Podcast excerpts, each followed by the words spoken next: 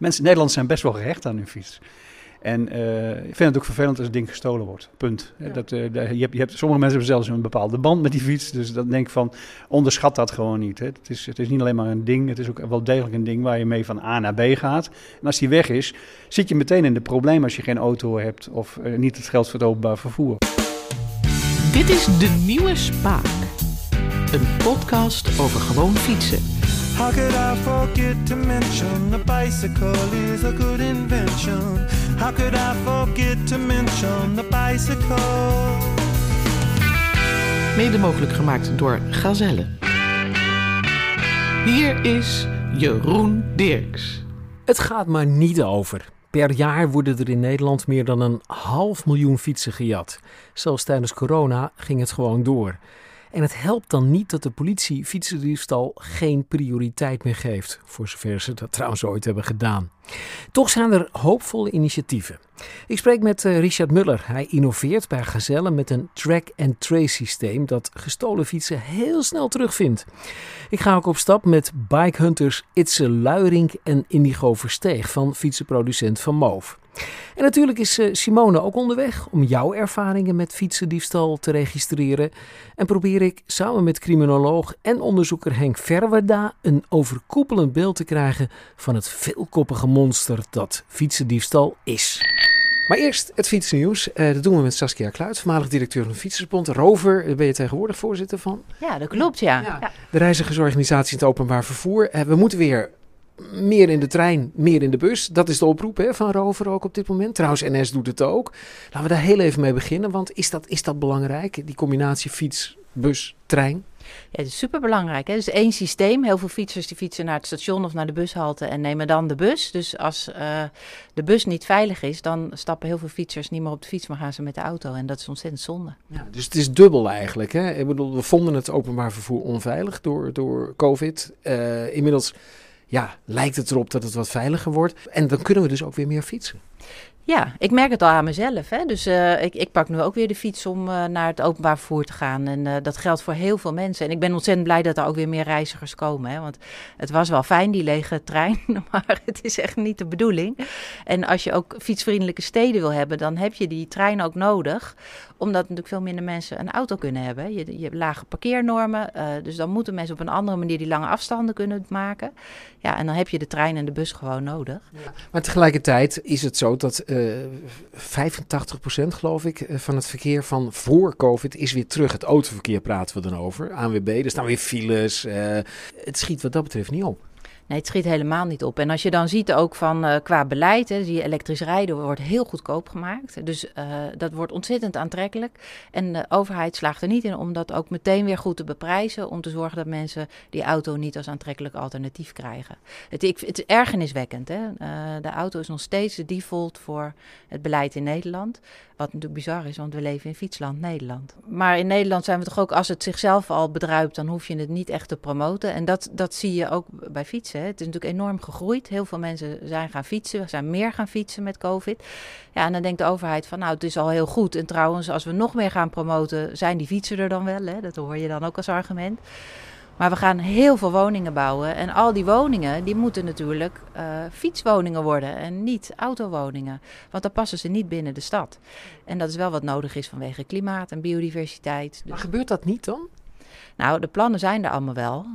Um, maar dan moet je wel die investeringen in het openbaar vervoer ook doen. En die blijven natuurlijk achter. We hebben dat groeifonds, het Wopke Wiebesfonds. Uh, ja, daar zitten wel OV-projecten in. Maar die zijn maar een heel klein stapje verder gebracht. En niet de grote klap van we gaan ja, schaalsprong voor het OV maken. Even naar het thema van, uh, van deze podcast. Uh, fietsendiefstal. Het is bijna ouderwets thema. Maar er worden nog elk jaar een half miljoen fietsen gestolen in Nederland. Het neemt zelfs toe op dit moment. Gebeurt daar genoeg aan? Nee, daar gebeurt absoluut niet genoeg aan. Dus, uh, de, de, er is een, uh, een, stichting opgericht, ook een beetje uit frustratie met het lakse handelen, hè, SAFE. Uh, het lakse handelen van wie? Van de overheid en met name ook uh, politie en justitie. Als je, je moet heel veel moeite al doen om het aan te geven. Het kan wel online tegenwoordig, maar er wordt weinig uh, follow-up aangegeven. De, er zijn natuurlijk wel hele mooie innovatieve oplossingen. Hè. De, de markt neemt het in die zin ook wel serieuzer. En die tracks en trails, hè? dus, dus uh, zorgen dat je de fiets terugvindt dankzij GPS of dankzij GSM-signalen. Ja, Ja, en de business-wise kan blijkbaar ook uit om mensen dan een nieuwe fiets te geven.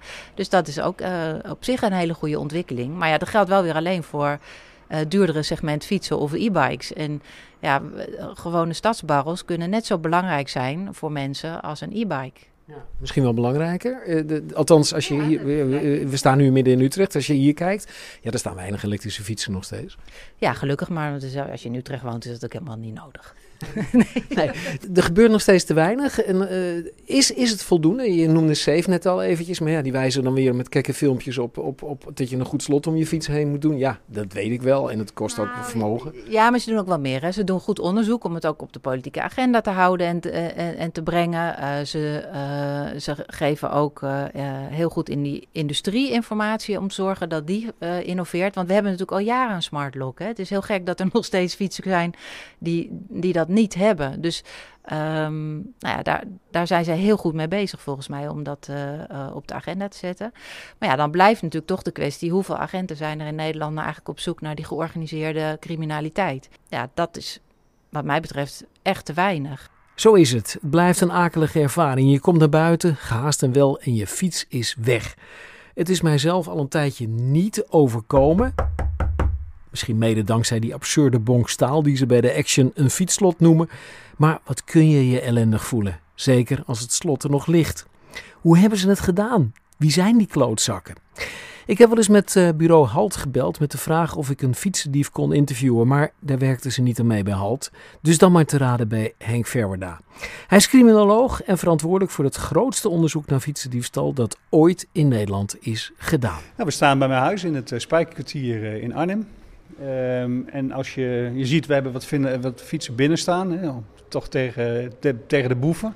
Maar mijn fiets staat toevallig vandaag uh, buiten. Hij staat aan een nietje, zoals jullie het meestal noemen. Hier heet het een spijkertje. We hebben in het spijkertje hebben we door een kunstenaar uh, zelf ontworpen nietjes. En uh, daar kun je je fiets aan vastzetten.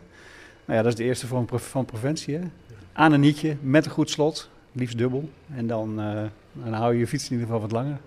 Met permissie, maar dit soort buurten, en uh, dit is natuurlijk uniek, hè, Spijkerkwartier, maar dit soort buurten hebben we heel veel in Nederland. Van die studentenachtige buurtjes, waar, ja, waar de fietsen massaal tegen de nietjes of tegen de, de, de, de spijkertjes aanstaan. Ja. En daar is diefstal nog steeds een groot probleem, uh, ook anno 2021. Absoluut, ja. Fietsendiefstal is, nou ik ben criminoloog, hè, zoals, je, zoals je weet. Fietsendiefstal is het meest voorkomende vermogensmisdrijf in Nederland.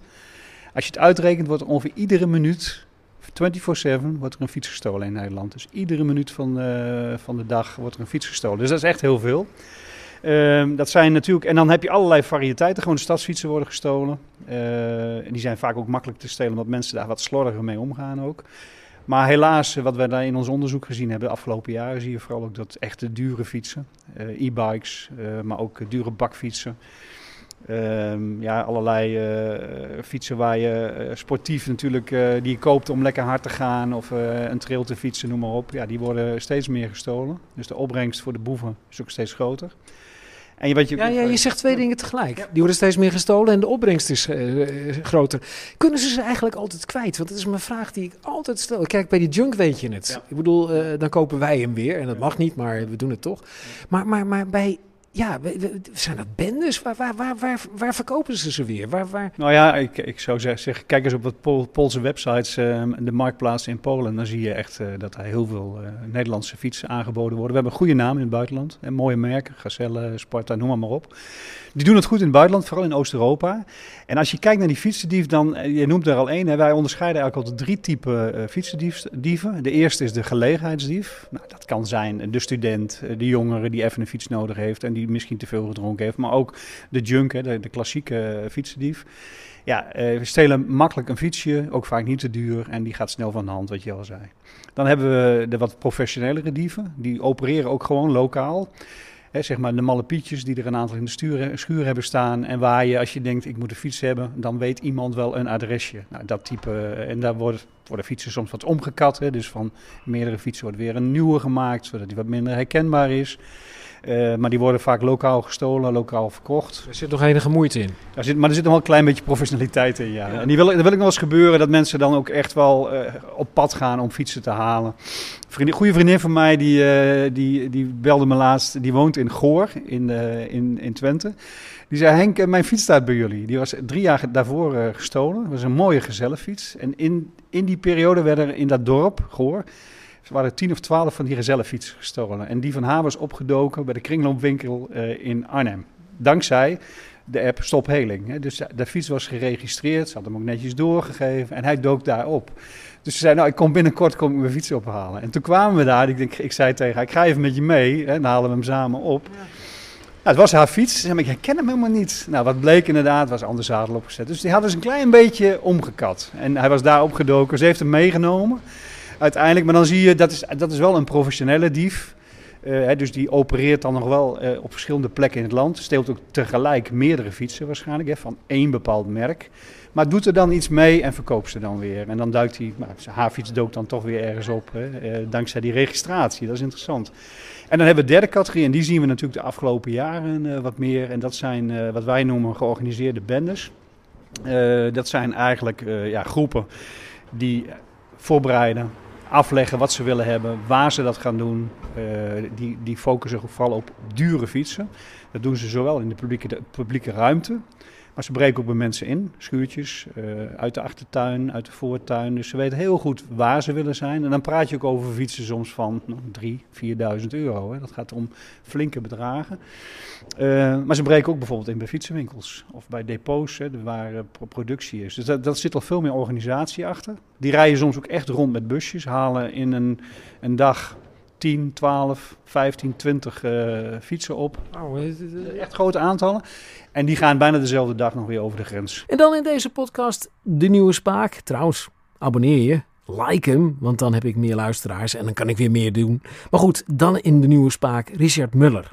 Hij is manager digitale innovatie bij Gazelle. Ja, we werken dus uh, vandaag de dag werken we met uh, nieuwe digitale technologie. werken we aan de fiets. En eigenlijk om uh, in dit geval diefstal te ontzorgen. Uh, een heel belangrijk aspect voor de gebruiker. Die wil zijn of haar bezit wil die ten alle tijde gewoon bij zich houden. Het is een grote zorg voor de gebruiker. We horen het iedere keer, horen we het weer. En je kan je voorstellen dat je als consument een fiets hebt gekocht, die misschien wel van 3000 tot 4000 euro. En je bent er super trots op. Wil je niet het risico lopen dat die gestolen wordt. Dus een zendertje erin. Er zit, ja, er zit een zendertje in. Ja. En dat noemen ze dan met een heel uh, mooi woord noemen ze het een GPS-trekker. Maar wat dat eigenlijk betekent, uh, het zendertje zit erin. En het zendertje belt naar uh, de telefoon van de gebruiker en naar de recovery-dienst van de verzekeraar. En dan zodoende kan je dus die hele keten van als de fiets gestolen wordt, tot en met zeg maar de terugvinden van de fiets, dat kan je dus weer kan je inrichten met behulp van zo'n zendertje. Hebben jullie ook een analyse gemaakt, wat ik kan me voorstellen, van, van wat de dieven eigenlijk zijn? Wie dat zijn? Zijn dat inderdaad de benders of zijn dat uh, de, de junk van vroeger? Ik heb het idee van niet meer de junk van vroeger, maar, maar, maar wie, zijn, wie is de dief? Ja, de diefstal is van alle dag. Uh, ik denk dat de belangrijkste boodschap is, uh, de fietsen worden wel steeds beter beveiligd, kettingen worden steeds dikker. Dus waar gelegenheid... Sloten kettingen. Ja, de, ja de, de, sloten, zeg maar de mechanische sloten. Ja. Wat je ziet gebeuren is dat uh, doordat die fietsen steeds beter uh, beveiligd worden en dat de fietsen steeds meer waard worden, dat er wel een uh, opschuiving is naar georganiseerde misdaad. en dat is dus het dievengilde zoals wij het noemen. maar in feite is het dus, het kan een gelegenheidsdief zijn, maar voornamelijk vanwege het feit dat het tegenwoordig steeds meer loont om een elektrische fiets te stelen, is het ook het professionele dievengilde wat actief is. Ik ben ook op stap met de bikehunters van Van Moof in Amsterdam. Itse Luiring en Indigo Versteeg zijn misschien niet van die potige types die je zou verwachten. Eerlijk gezegd zijn het vooral twee uh, leuke, aardige jongens. Maar dankzij een signaal dat gestolen fietsen via een telefoonlijn blijven uitzenden, weten ze wel gejatte fietsen via hun app terug te vinden. Al moeten ze uiteindelijk gewoon de straat op de stad in, want hoe gedigitaliseerd ook, de fiets zelf vind je natuurlijk alleen op straat terug. Ja, we zitten nu te kijken, we zijn nu op de rand eigenlijk van, uh, van de cirkel. En de cirkel daarbinnen, daarbinnen moet die fiets zich ergens bevinden. Dus we kijken nu even een beetje hoe we het beste kunnen gaan fietsen. Wat we normaal doen is eigenlijk, we verdelen het. Dus hij doet de helft van de cirkel, ik doe de helft van de cirkel. En dan gaan we gewoon kijken uh, of we de fiets vinden. Uh, en eigenlijk kunnen we nu gewoon van start gaan bijna. Ja. ja. Maar Naalten en Hooiberg denk ik, want als ik, ik, laten we samen om ons heen kijken hoeveel fietsen staan hier gewoon keurig nog gestald. Nog los van diegenen die hier en daar tegen een muur staan. Nou, ik, ik heb ze heel snel geteld. Oh. nee, dat zijn er wel een paar honderd natuurlijk, want ja, dat is ook Amsterdam. Ja. Alleen ja, kijk, wij zijn op zoek naar uh, deze fiets waar wij nu ook op zitten, dus dan in het donker. Nou ja, daar moet je natuurlijk een beetje op letten. Dat, dan vallen er al een heleboel af eigenlijk. En um, zodra we er eentje zien, dan gaan we even met de scanner er langs. Dus zo reduceer je al het hele grote gebied en het hele grote aantal fietsen al best wel snel tot een, uh, een, een, een, klein gedeelte. Even om een indruk te krijgen, die cirkel is nou, is toch wel, wat is die in de omtrek? Een kilometer of nou, nee, anderhalf? Denk, nee, nee, nee, dat is, dit is wel klein. Ik denk de omtrek is misschien ja, 600 meter, zoiets. Ja, ja, ja. Denk ik ongeveer. Ja, het voordeel van die, van die Bluetooth-trekker is dat we, we hoeven niet precies elke fiets te bekijken. We fietsen er gewoon langs. En hij is echt al accuraat tot op 20, 30 meter. Dus je fietst gewoon door een straat en als hij afgaat, dan weet je dat hij er staat. Als hij niet afgaat, dan staat hij er niet. Dus eigenlijk uh, heel zwaar is het niet. We hoeven niet gelukkig in elk fietsrek precies te gaan kijken. Staat hij daar misschien? Nee, dus dat, uh, dat scheelt al heel erg. En heel eerlijk zeggen, uh, ook wel eens een fiets nooit teruggevonden? Ja, het gebeurt wel eens. Keurig, keurige signaal uitzond enzovoort, maar toch tijdje geleden hebben we één fiets gehad. Ik zal geen uh, namen noemen van wie die was en waar die. Maar dat was een fiets die stond. Die, die, die was echt ontzettend goed aan het uitzenden. En echt al steady een, een, een maand of zo, weet je wel. Elke keer kwamen we weer terug in die cirkels. En, en we dachten van, ah, potverdomme, we moeten hem nu vinden. En die hebben, we, die hebben we niet gevonden. En wij vermoeden dat hij ergens of onder, ergens in een kelder of wat dan ook. Ja, dan, dan wordt het natuurlijk al best wel snel lastig voor ons. Maar ja, het is wel eens gebeurd ja, dat we zelfs met goede coördinaten hem niet hebben gevonden. Jullie klinken heel cool en eh, eh, dat zijn jullie ook denk ik. Maar is het een race tegen de klok? Want die accu, ja, die kan zomaar al leeg zijn of bijna leeg zijn op het moment dat jullie uh, in actie komen. Gelukkig zit uh, de tracking zit op een andere uh, accu dan die van de fiets zelf. Dus die gaat veel minder snel leeg. Dus je kan echt nog maanden kan die staan. Maanden? Ja. ja. Ja, dat is echt een heel ingenieus uh, systeem. Alleen het is wel zo dat, kijk, in principe bieden wij de service aan dat we de fiets binnen twee weken terugvinden. Daarna krijgt de klant een nieuwe fiets. Dus voor ons is er zeker wel een tijdsdruk. en ook, kijk, als een fiets goed uitzendt, kan het zo zijn dat die na een tijdje opeens ergens anders staat of wat dan ook. Dus je bent zeker ben je met tijdsdruk bezig. Ja. ja. En die boeven kunnen natuurlijk ook uh, op een gegeven moment zijn afkoelperiode, noemen ze dat, uh, inlassen. Dat ze het ding ergens op een heel verborgen plekje zetten, onder de brug hier. En, en uh, twee weken wachten, drie weken wachten. Nou, dan hebben jullie de eigenaar een vervangende fiets gegeven. Ja, dan kan hij hem rustig alsnog meenemen, of niet? Dat zijn wel, dat zijn inderdaad tactieken die worden toegepast door, ehm, door criminelen. Dat is zeker waar. Maar uh, dat gebeurt zeker zo'n afkoelperiode. Dus daarom, dat zijn wel echt dingen waar, waarom we extra opletten en waarom er tijdsdruk op zit. Want dat willen we natuurlijk niet hebben, dat dat gebeurt. Dus we moeten er gewoon zo snel mogelijk achteraan. Dus daarom dat we ook gelijk nu hier staan. Maar het bestaat wel, die afkoel... Uh... Ja, het gebeurt zeker. Kijk, uh, er zijn mensen die dat weten van ons, dat dat gebeurt. En dat na twee weken. Dus daar houden ze rekening mee. En zo moet je zelf ook een beetje blijven... ja, op, op. Het is ook niet dat wij na, na twee weken, de klant heeft een nieuwe fiets en wij denken, nou, weet je, we laten hem lekker staan en we doen er niks meer mee. Kijk, als daarna die coördinaten beter worden, omdat hij hem op een andere plek heeft gezet of hij is ermee gaan fietsen. En wij zien dat hij, uh, dat hij zo op de pitter valt, dan nemen we hem alsnog mee. Die tijdsdruk is er voor die twee weken. Maar daarna houden we nog steeds alle fietsen in de gaten. Dus het is niet dat die afkoelperiode ons, uh, ons afschrikt eigenlijk. Nee. nee. Oké. Nou, wat gaan we doen? We gaan, uh, nou we zullen nu denk ik even bij elkaar blijven omdat, we, omdat je misschien nog niet ready bent om helemaal alleen... Uh... nou joh, ik weet niet wat ik moet doen ook. Nee, als, uh... daarom. Dus we nemen gewoon bij de hand. En uh, we gaan gewoon eventjes zigzaggend deze straten afwerken. En dan zullen we je ook een beetje vertellen waar je op moet letten. Dus wat voor ons vaak hè, verdachte signalen zijn bij een fiets. Ja, laten we... Het is dit gebied hè? Nee, het is hier eigenlijk. Dit, deze, de Vijzelstraat nemen we gewoon als grens.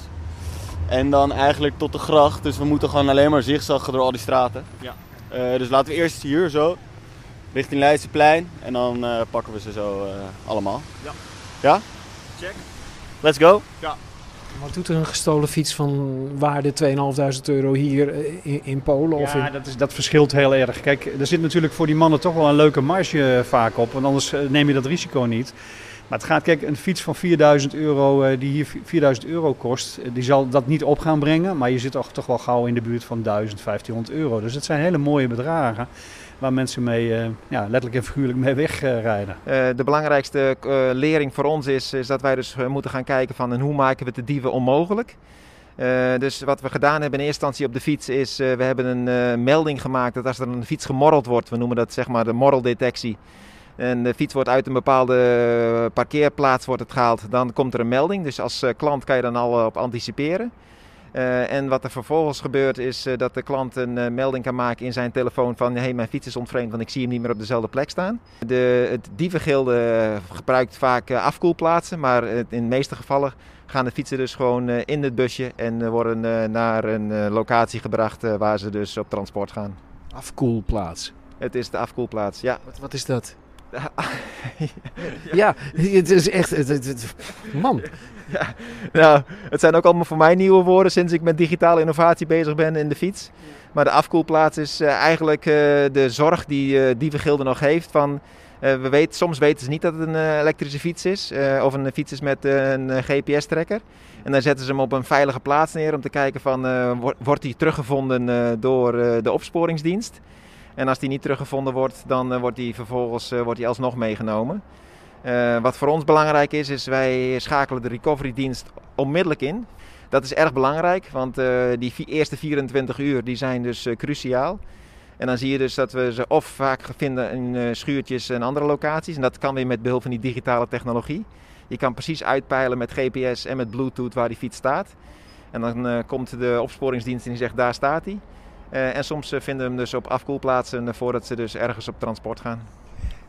Je spreekt in meervoud. Eigenlijk komt dus die enkele diefstal, die boef, die, die, die een fiets- en gelegenheidsdief, die, eh, die, die aan het eind van de avond zegt: Ik heb een avond gestapt en ik wil een fiets hebben, die komt bijna niet meer voor. Nee, de gelegenheidsdief uh, is, uh, is, is, wordt zodanig ontmoedigd. En zeker met de elektrische fietsen, de connected elektrische fietsen van Gezellen.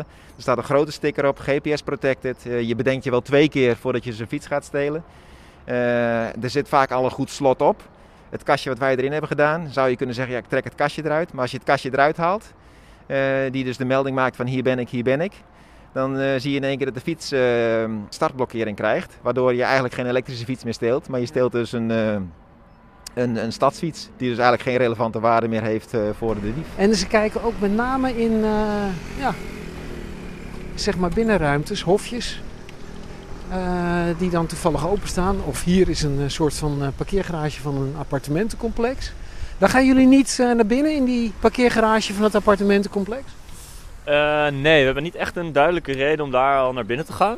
Ehm, omdat we eerst eigenlijk even hier buiten willen zoeken. Dat meestal staat hier buiten, dus dan checken we dat eerst. Mochten we hem nou niet tegenkomen, dan zijn dat inderdaad wel opties die we moeten bekijken. Ja. ja. Okay. Is, is alweer ja, een paar honderd meter verder? Gaan. Ja. Die, Oh, er staat er ook eentje. Oh, ja. Oh. Ja, dat is, dat is hem. hallo, hallo, hallo, hallo. Waarom weten jullie dat, dat het hem is? Uh, Bluetooth zie ik hem aan. De telefoon uh, gaat trillen. Uh, en hij zendt een alarmpje uit als, hij, als hij een gestolen fiets trackt, zeg maar. En nou, je, ziet hem, je ziet hem staan. Dus dit, dit moet hem wel zijn bijna. Maar we, kan jij nog even voor de zekerheid, we checken altijd voor de zekerheid wel het frame-nummer. Omdat er zoveel fietsen in de stad staan soms zie je er eentje over het hoofd. We, we willen wel de goede meenemen natuurlijk. Dus, uh... Maar hij staat hier gewoon helemaal niet eigenlijk verdekt of, of, of zo opgesteld? Nee, dit, dit is eigenlijk hoe wij ze het vaakst uh, ze tegenkomen.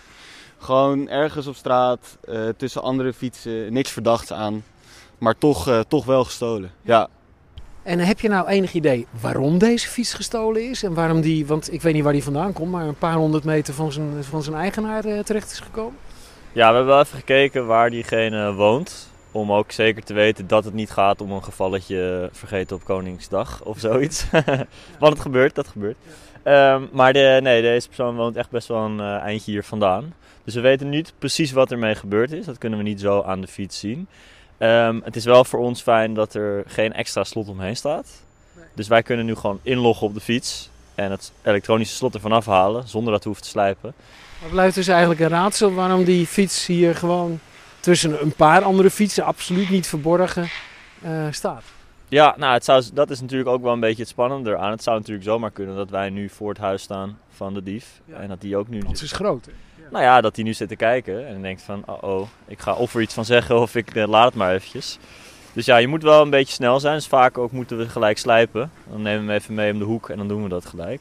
Nu kunnen we gewoon het uh, elektronische slot ervan afhalen. Jullie hebben een slijper bij, hè? Die heb je heel notabene in een tas om je stuur heen hangen.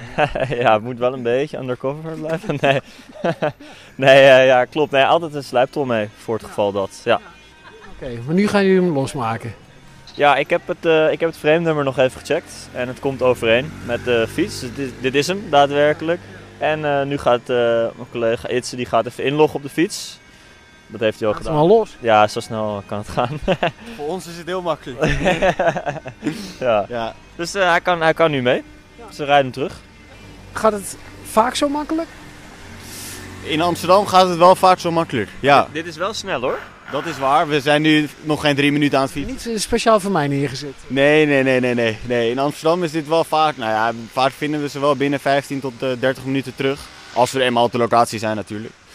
Maar het verschilt ook heel erg per stad natuurlijk. Dat hangt er heel erg vanaf. In Utrecht of uh, in Rotterdam kan het weer anders zijn. Uh, in Utrecht is het ook wel makkelijk, maar in Rotterdam is het vaak wat lastiger. Daar staan ze ook vaak binnen, dus het verschilt heel erg. Ja. Is dit ook een idee of is het zo duur dat je, dat je dit op je gewone uh, oude... Nou ja, no, kijk eens naar het fietsje van mij waar ik hier op naartoe ben gekomen. Hey, mijn oude, oude mountainbikeje. Heeft, heeft het zin om daar ook op in te bouwen of op te bouwen? Nou, het kan zeker. Uh, alleen wat ons erg helpt is zeg maar de elektrificatie uh, en die hele digitalisering uh, die dus daardoor wordt mogelijk gemaakt. Als je een zender inbouwt moet je natuurlijk ook weten dat die zender het lang genoeg gaat doen. Want die zegt iedere keer van let op de fiets verplaatst zich en dat kost ook stroom. Um, daardoor hebben we dus ook de mogelijkheid om het met elektrische fietsen beter te doen en dus ook robuuster te maken dan met een gewone fiets. Waardoor het voor ons erg interessant is om het op elektrische fietsen te doen, is dat daar juist het diefstalpercentage erg hoog is. Ja, tot, ja, we hoorden recentelijk percentages tot wel 20% in Delft. Ja, absurd, hè? Het, het zijn bizarre percentages.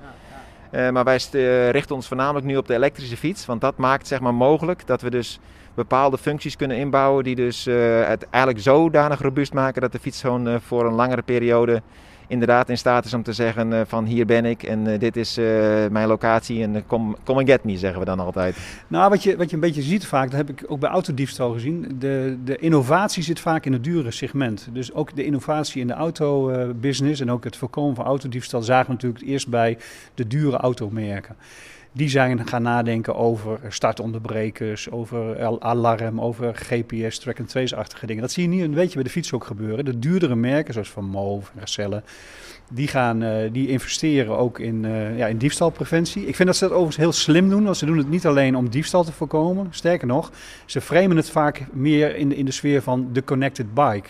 Je kunt je fiets op je iPhone zien, je kunt zien hoe ver je gefietst hebt, hoeveel calorietjes, uh, nou, et cetera. Een kaartje kun je printen. Maar hij werkt ook tegen diefstal. Dat, is wat, dat vind ik heel slim. Dat, die combi vind ik goed. En de fiets is, is ook vooral om je van A naar B te bewegen. Het is gezond, het is goed voor het milieu. Eh, en het is gewoon vervelend als het ding weg is. Dat is een beetje wel de grote gemene delen bij iedereen ongeveer. Het is, als je buiten komt je fietsen, dan denk je, shit, mijn fiets is weg. Dat is natuurlijk never leuk. En hoe duurder die is, hoe vervelender het wordt natuurlijk. Maar onderschat ook niet dat gewone fietsje hè, van, van, een, uh, van een oudere dame uh, die 500, 600 euro heeft neergeteld en die fiets is weg. Dat is ook een hoop. Die niet veel geld meer heeft. Precies. Dus, dus we moeten niet net doen alsof het allemaal maar ruilgoederen zijn. Mensen zijn, hebben we in ons onderzoek ook gezien, we hebben heel veel slachtoffers uh, gesproken en, ge, en ge, geënquêteerd. Mensen in Nederland zijn best wel gehecht aan hun fiets. En uh, ik vind het ook vervelend als het ding gestolen wordt. Punt. Ja. Dat, uh, je hebt, je hebt, sommige mensen hebben zelfs een bepaalde band met die fiets. Dus dan denk ik van, onderschat dat gewoon niet. Hè. Het, is, het is niet alleen maar een ding, het is ook wel degelijk een ding waar je mee van A naar B gaat. En als die weg is, zit je meteen in de problemen als je geen auto hebt of uh, niet het geld voor het openbaar vervoer. En daarover gesproken. Simone is ook weer op stap in de Nieuwe Spaak in deze podcast. En zij trof iemand met een buitenmodel slot om haar fiets. Waarom ligt dat er eigenlijk omheen? Uh, omdat hij anders gestolen wordt, denk ik. Ben ik bang voor. En waarom ben je daar bang voor? Omdat je hoort dat er in Amsterdam vaak fietsen worden gestolen. Maar dat is jou nog nooit overkomen? Nee, dat nog niet. Maar hij is ook heel roze, dus mensen willen hem ook niet stelen, denk ik. dus je hebt hem niet alleen een heel goed slot, maar je hebt hem ook nog roze geverfd, zodat hij niet wordt gestolen. Ja, met ons dispuut hebben we dat. Maar het helpt wel extra tegen, het, tegen diefstal. Slim. En jij? Die van mij is ongeveer drie keer gestolen in Amsterdam. Dus toen ik hem had, ik hem wel met dubbelslot. Dat was ook de laatste keer dat hij gestolen was. Toen had ik hem net een week. En toen was ik er klaar mee. Dus toen heb ik een swapfiets genomen. Want ik dacht echt, oh nee, ik wil het niet meer. ja, dat begrijp ik heel goed. En ehm, voor je fiets, de derde keer, eh, heb je toen een duurder slot gekocht dan dat je fiets was? Of dacht je, nou, het zal toch wel gestolen worden, wat maakt het ook nog uit? Nou ja, omdat ik wilde dat dus wel doen, maar omdat ik hem nog maar een week had, had ik daar nog geen tijd voor gehad. dus dat was een beetje stom. Dus toen stond hij op centraal en toen kwam ik terug en toen was hij alweer weg. En toen bij een swapfiets, ja, daar zit een slot bij, dus ik heb die gewoon, uh, die gewoon gehouden en dat is goed gegaan. Ik uh, fiets zeker graag, ja. Dat doe je dan in Amsterdam. Ben je dan ook bang dat je fiets wordt gestolen? Nee, niet heel erg, denk ik. Nee, hij is altijd niet gestolen. Dus dat is mooi. Vroeger gebeurde dat nog wel eens, maar uh, ik heb al een paar jaar dezelfde. Dus uh, ik maak me niet meer zorgen om, denk ik. Nee. En heb je daar iets aan gedaan dat je je geen zorgen meer hoeft te maken? Heb je gewoon een heel goed slot gekocht die eigenlijk duurder is dan je fiets? Nee, ik denk, uh, mijn fiets is gewoon een heel standaard zwarte fiets. Dus misschien dat, dat die niet opvalt en dat die daarom niet gestolen wordt. Ik weet het niet. Zou kunnen. Zeker heb ik een fiets. Ja, met veel liefde. Ik hou ook erg van mijn fiets. Ja. Dus daar ben je ook heel zuinig op, denk ik dan. Uh, ja, ik probeer dat wel uh, te zijn. Af en toe gaat hij naar de fietsenmaker voor een, uh, voor een beurt. En dat is dan altijd net wat duurder dan je wil. Maar dan denk ik altijd maar, het is zo'n trouwe stalen ros die mij overal heen brengt.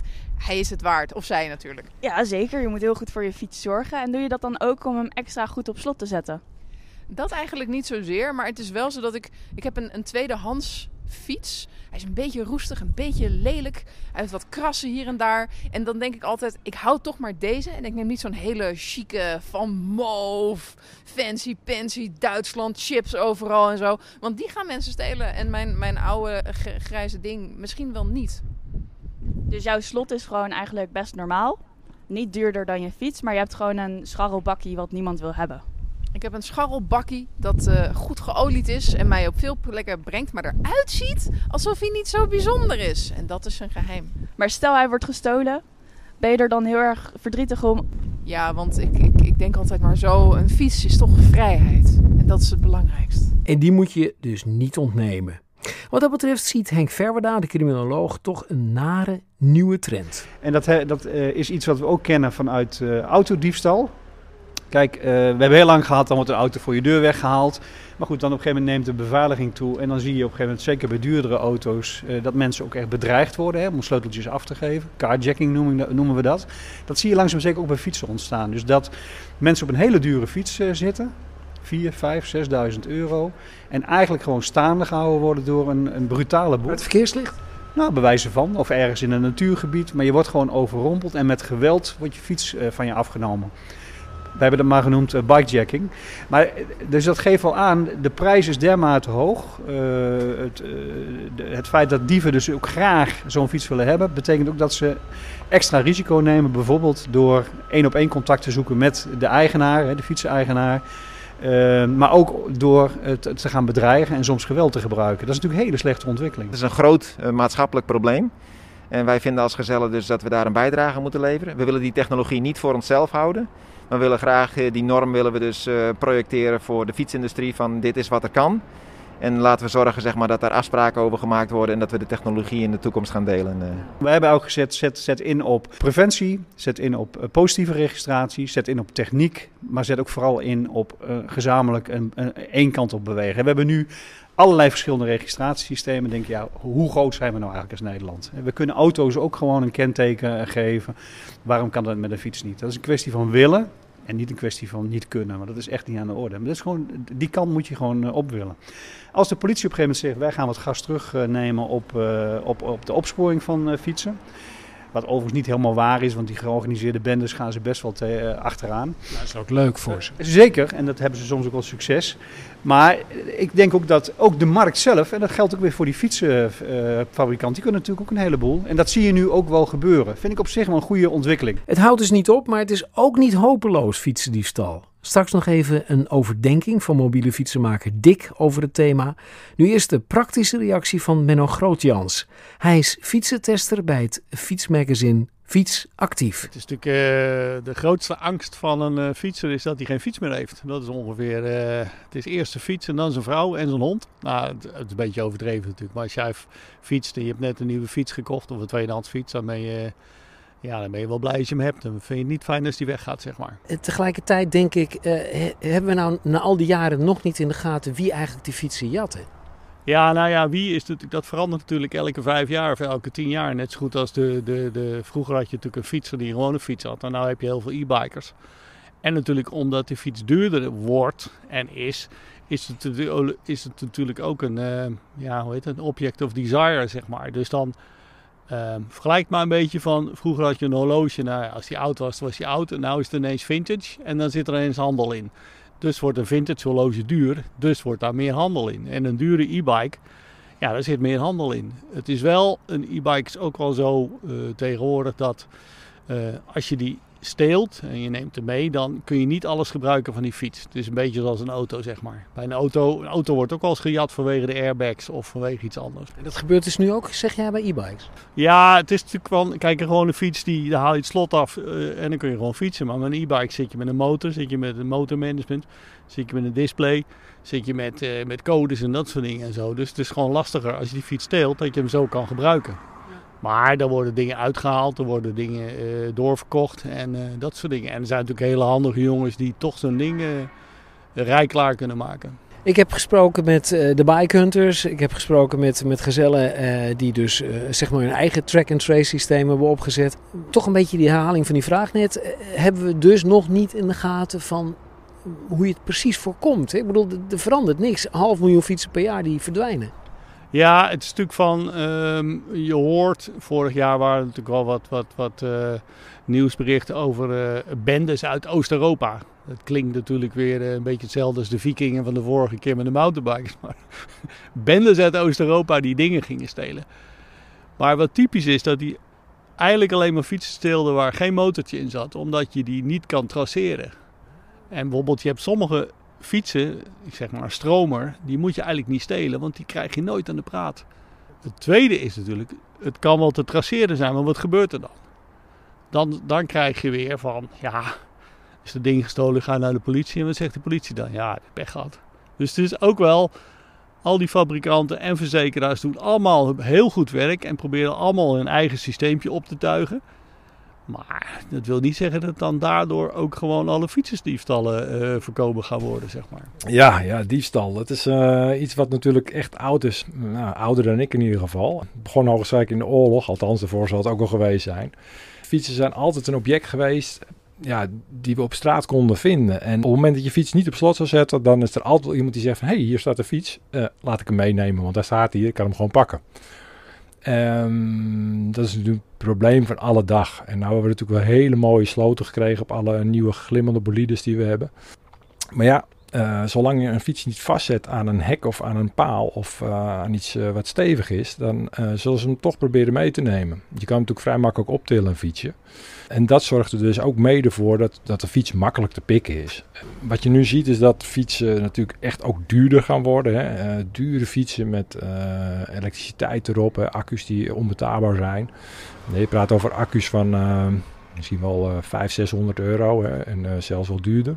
Dus het is bijna al lucratief om alleen de accu te gaan stelen. En wat je dus ook al wel ziet, dat als mensen de accu er niet op slot zouden zetten, dan is die ook gepikt. En uh, helaas is dat nu natuurlijk ook wel een, een groot probleem. Weet je, fietsen worden mooier, ze worden duurder, dus aantrekkelijker om te stelen.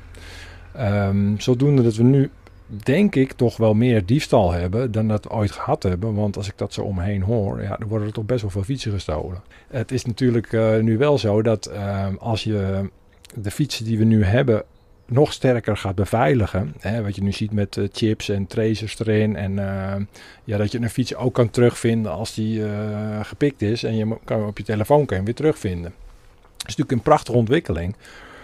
Maar ook daar zullen de dieven zeker over wat op vinden. Daar ben ik van overtuigd. Ik weet nog niet wat ze erop vinden. Maar ja, weet je, als ze eenmaal de chips gaan vinden, dan gaan ze dat natuurlijk uitslopen. En dan, dan is dat ook weer verleden tijd ik denk altijd, als je een mooie fiets hebt, maakt eigenlijk niet uit. Een, goed gebruikte fiets, uh, zet hem goed op slot, maar zet hem ergens aan vast.